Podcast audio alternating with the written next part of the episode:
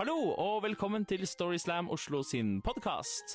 Mitt navn er Audun Lunga, og jeg står her sammen med den mest sjarmerende personen i dette studio, nemlig Karoline Marie Enoksen. Ja. Hei! Hei. Velkommen til deg. Takk. Uh, ja, historiene vi skal høre nå, de har blitt fortalt på Storyslam Oslo sitt live-arrangement uh, på Kulturhuset i Oslo den 1. mai 2017. Ja. Eh, og denne episoden kan man vel kalle en slags sånn angstspesial, på en måte, kanskje, hvis man har lyst. ja. Den tar for seg eh, å konfrontere egen angst, vil jeg si. Nett. Og se frykten sin i hvitøyet. Mm. Ja. Akkurat som jeg alltid ser deg veldig dypt inn i øynene når vi står her i studio. Ja, oi. Ja. Du er angsten min, Karoline. har du lappen? Eh, om jeg har lappen? Mhm. Ja. Ja. Du, det har jeg faktisk hatt lappen i ti år den måneden her, jeg. Gratulerer. Jo, takk. En ansvarsfull sjåfør.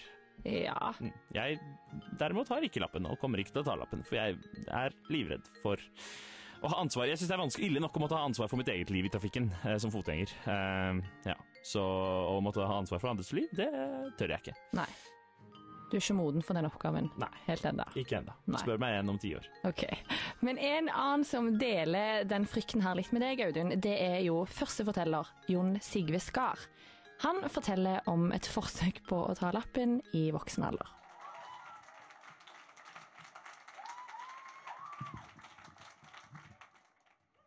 Jeg eh, var på jobbintervju til en stilling i Nav. Og på slutten av det intervjuet så fikk jeg spørsmål om det var noe mer jeg hadde å si som kunne ha relevans for stillingen. Ja, det var én ting. Jeg bare måtte si det. Jeg har ikke bilsertifikat. Men før det rakk å lande skikkelig, så var jeg rask. Men jeg skal ta det! For nå har jeg jo blitt far og alt, og da må man jo ha lappen. Med den litt sånn gøyale bemerkningen der, så ante de at jeg hadde glimt i øyet, og jeg fikk denne jobben der. Og nå hadde jeg forplikta meg. Jeg hadde gitt meg sjøl nok spark i baken til å endelig få satt i gang med å ta dette sertifikatet. Og det kunne jo ikke være så vanskelig. Mamma og pappa og de tre småsøsknene mine hadde greid det. Så det måtte gå.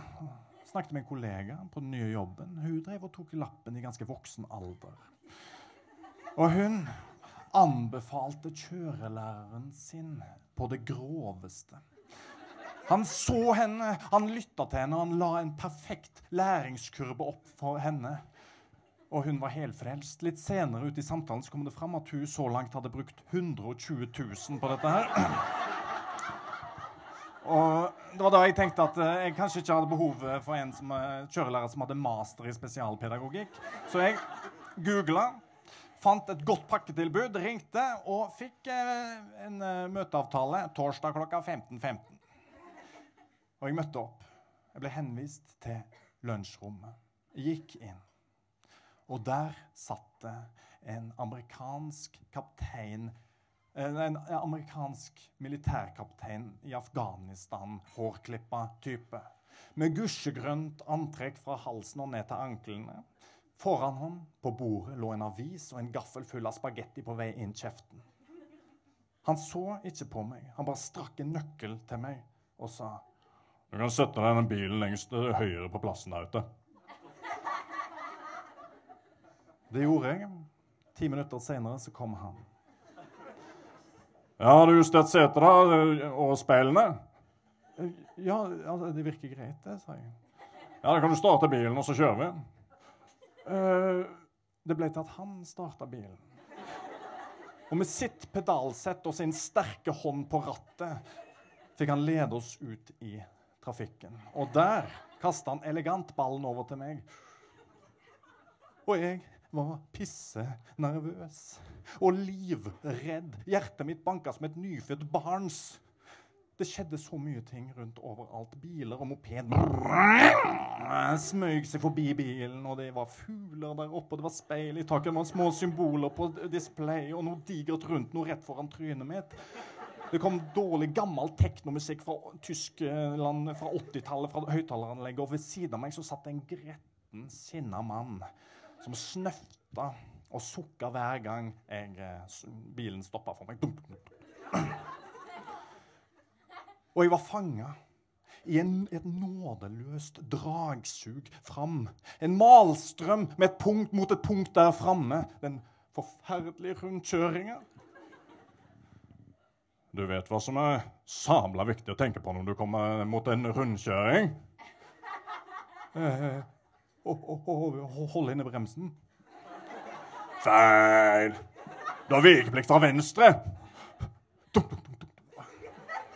Bilen stoppa igjen, og jeg merka at jeg mista kontrollen. eller Pedalsettet mitt ble kobla ut, og en irritert hånd fra høyre grep rattet. Og jeg kom meg gjennom den rundkjøringa som passasjer.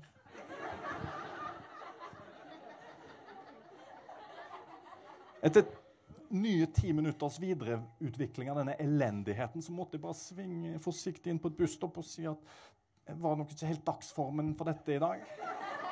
Og jeg tok farvel på stedet. Og da jeg gikk vei hjemover, så skjønte jeg at jeg hadde tapt. Dette her fikk jeg ikke til. Det var helt sikkert alderdommen. Jeg var for orientert om ansvaret som lå i det å kjøre bil, og risikoen som var involvert der. Og så kom jeg til å tenke på den eh, historien mamma hadde fortalt om at hun mista meg i gulvet jeg var baby. Kanskje jeg hadde fått noe hjerneskade, kognitiv svikt og lærevansker og alt det der. Og så kom jeg på at eh, det er jo mange som ikke har lappen, og jeg hadde jo greid meg så godt så langt. Så eh, Og snart kommer jo de der selvkjørende bilene òg. Så jeg, jeg drev og bygde opp en solid mur mellom meg og bilen. Et år seinere fikk jeg mitt andre barn, og da måtte jeg gå bort og kjenne litt på denne muren. Men den var for solid, så jeg eh, belaga meg på en livstidig buss. Men september i år så var min far på besøk, og han begynte å pirke litt i dette betente såret mitt og spurte om jeg ikke skulle begynne å ta lappen nå som jeg er blitt tobarnsfar. Uh, og da sa jeg nei. Jeg er egentlig pisseredd for å kjøre en bil. Jeg hadde så dårlig erfaring sist. Kanskje du har angst, sa han. Og nå lå en diagnose på bordet. Og jeg sa ja, kanskje det. Men så innså jeg det i det jeg sa det. For en utro, utrolig destruktiv og sykeliggjørende ting å si. Jeg har jo ikke angst, jeg bare mangler masse mestringsopplevelser. Og jeg ble så provosert at jeg slo et hull i denne muren og trakk ut litt initiativ fra andre siden. Og så blåste jeg i den muren. Og så dro jeg den buksa og tissa på den, så den etsa vekk. Og så tok jeg opp telefonen min, og så ringte jeg til han eh, litt dyre kjørelæreren til kollegaen min, som hun hadde anbefalt. Og han kunne plukke meg opp etter jobb. Og Første gang jeg møtte han, så svingte han inn med sin store, fine, hvite bil. Han steg ut av den. Nesten to meter høy fyr med en sølvgrå bart. Han tok meg hardt og godt i hånda, så meg inn i øynene, og med varm kristiansandsdialekt så spurte han hva er ditt forhold til bil, egentlig? Og da, da brast det litt, og da kom det ut. Jeg fortalte om dette elendige jeg hadde opplevd med han forrige. Jeg fortalte angstdiagnosen jeg fikk fra min far. Jeg fortalte om at jeg ble mobba for stor nese på barneskolen.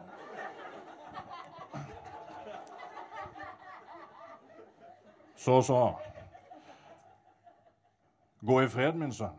Sett deg inn og kjør bil med glede, sa han. Og vi satte oss inn, og han eh, sa kanskje vi skal begynne litt fra scratch og ta dette her rolig. Hva syns du om det? Ja, det høres helt fantastisk ut. 45 minutter seinere så var vi tilbake igjen på plassen. Og eh, eh, min frykt var kurert. Erstatta med kjøreglede. Og jeg sa til ham tusen hjertelig takk skal du ha altså, for dette her. Det betydde mye for meg. Det er ikke meg du skal takke. Du kan takke min mor. Det var hun som fødte meg. Og nå gjenstår det å se. Én kjøretime igjen før oppkjøring, folkens. Og da får vi vite om denne storyen har en happy ending. Tusen takk for meg!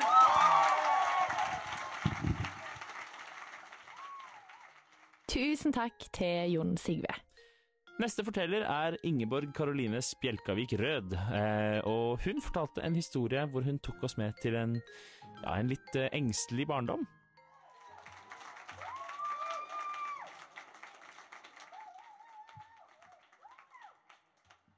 Jeg var et merkelig lite barn. Eh, min lesetrening Altså, jeg begynte å, å, lese lenge før jeg begynte på skolen. Liten snikskryt akkurat der. Um, men min lesetrening besto ikke av Lille Larven, Aldri mett eller, eller Albert Aaberg. Nei, nei, nei. Jeg leste dødsannonser. Jeg satte meg ned med Stavanger Aftenblad, bladde opp, bladde forbi tegneseriene, stoppet på dødsannonsene. Og jeg leste. Jeg leste lenge, hver dag, mange år. Helt til jeg skjønte hva som sto der, hva det faktisk betydde, det som sto der. Og jeg fant meg favoritter.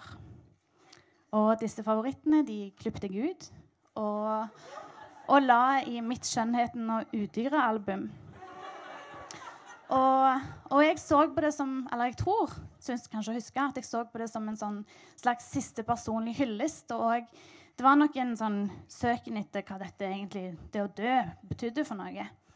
Og disse favorittene de var favoritter av ulike grunner. Eh, noen syns jeg hadde fine navn, noen syns jeg hadde levd litt for kort. Men eh, de fleste lå der fordi jeg syns de hadde sånne fine dikt. Dere vet sånn, sånne som står f.eks. den korte, men klassiske 'Høyt elsket, men dypt savnet'. Men min personlige favoritt, den som garanterte deg plass i mitt album, det var 'Fritz suser trærne rundt hjemmet du elsket'. Farvel, nikker blomstene, du vernet så tro. Takk, kviskra og kvitra fuglene som dagen de hilset. Stilt hvisker vinden, sov i ro. Hva kan foreldrene mine ha tenkt om denne rare, lille ungen som sprang rundt og siterte dødsannonser og skulle samle et album? når jeg skulle skrive denne lille teksten, her, så spurte jeg faktisk mor sånn, hva, hva var det du Var du ikke redd? Var du ikke bekymra over den syke ungen du hadde? Og så sa hun jo hun syntes det var litt skummelt, men både hun og far ble enige om at nei, det måtte bare være en fase. Hun måtte få lov til å gå gjennom det sjøl, finne ut av det. Og, og det gjorde jeg. Men eh, så sa hun det at når de begynte å bli skikkelig redde Det var, det var den julaften, jeg var fremdeles ganske liten, eh, så ga jeg dem jeg tror det var min første julegave til de som jeg hadde kjøpt sjøl. Eh, og det de pakket opp, har han med meg i dag. Det var denne fine planken her. Og her står det Nå er dere spente. Øyet kan smile, og munnen kan le. Men sorgen i hjertet kan ingen se.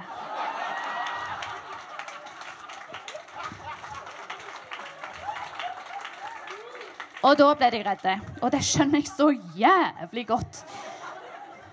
Men, eh, men fremdeles så hadde de et håp og en tro om at dette skulle jeg komme meg gjennom. Jeg skulle klare dette. Det skulle bli folk av meg òg. Og for så vidt, jo. Men, eh, og jeg ser jo sjøl at dette er ganske løye.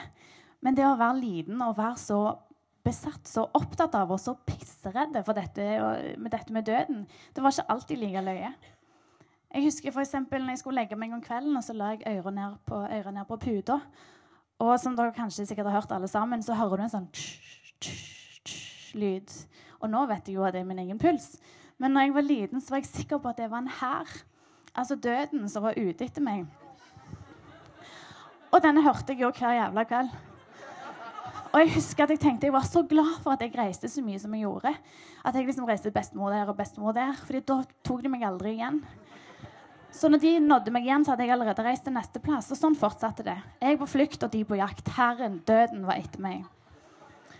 Og for eksempel, Det var ikke bare meg sjøl jeg var redd for. Jeg var redd for mor og far skulle dø. Så hver gang jeg hadde barnevakt, så pilte jeg inn på rommet deres. Jeg henta en stokk fra mor, en stokk fra far, og de hadde jeg med meg i senga. Så der sov jeg med de. For hvis jeg ikke gjorde det, så kom det til å skje noe vondt med de.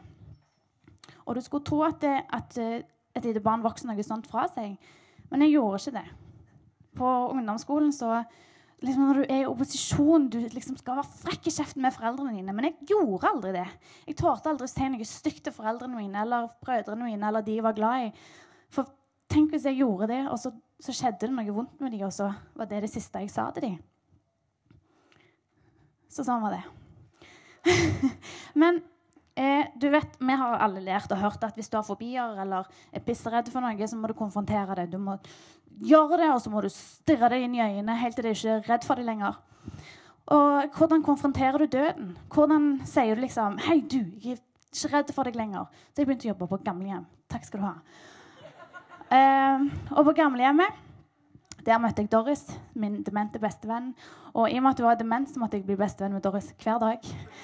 Og, og Gudrun, som var sikker på at hun kom til å leve Jeg må bare snakke jævlig fort nå. Så Hun var sikker på at hun skulle, ble, skulle leve at hun ble 100 år hvis jeg bare smørte fuktighetskremen mot hjertet. Mot hjertet, Ingeborg! Mot hjertet! Og jeg smørte mot hjertet.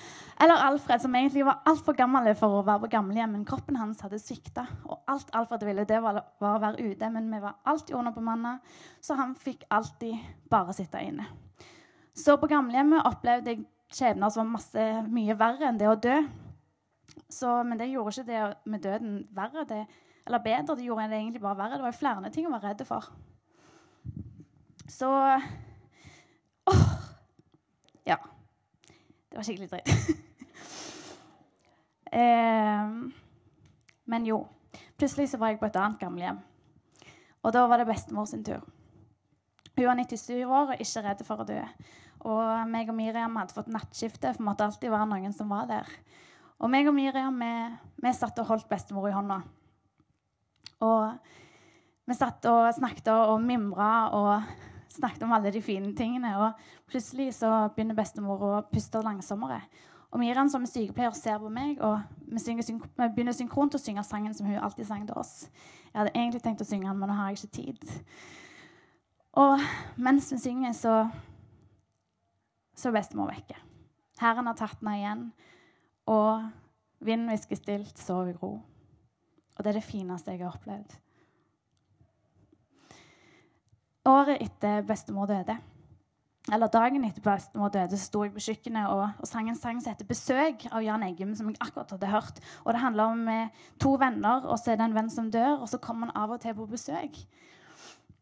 Og, og den sto jeg og sang. Året etter bestemor døde, så, så er far på sykehuset og opereres for kreft. Og meg og mor vi er hjemme og venter på telefonen fra sykehuset som sier at det, alt er bra, men den telefonen kommer ikke. Vi venter lenge vi begynner å bli bekymra, men vi vil ikke vise til den andre hvor redde vi er. Så hun går ut og forsvinner i hagen og begynner å jobbe i et eller annet bed. Og jeg, jeg går inn og står og tar oppvasken. Og der står jeg og vasker. Og så snakker jeg til bestemor inni meg sjøl. Så sier jeg, 'Bestemor, nå må du være her. Du må være her, så må du ta vare på far. Og så må du ta vare på mor. Og på meg.' Og plutselig så ringer telefonen. Men før han ringer, så blir det han avbrutt, og så er det en sang som spilles på radioen. Og det er besøk av Jan Eggum. Jeg tar telefonen, og, og de sier at det er bra med far. Jeg er ikke redd for å dø lenger. Jeg er litt mindre redd for at uh, noen av de jeg er glad i, skal dø. Og vet dere hva? De kommer på besøk. Takk for meg.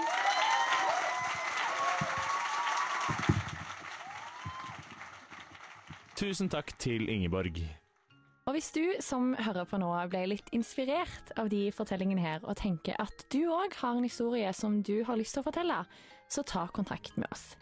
Det kan du gjøre enten på Facebook-siden vår, Storyslam Oslo, eller på vår e-post storyslamoslo.gmail.com.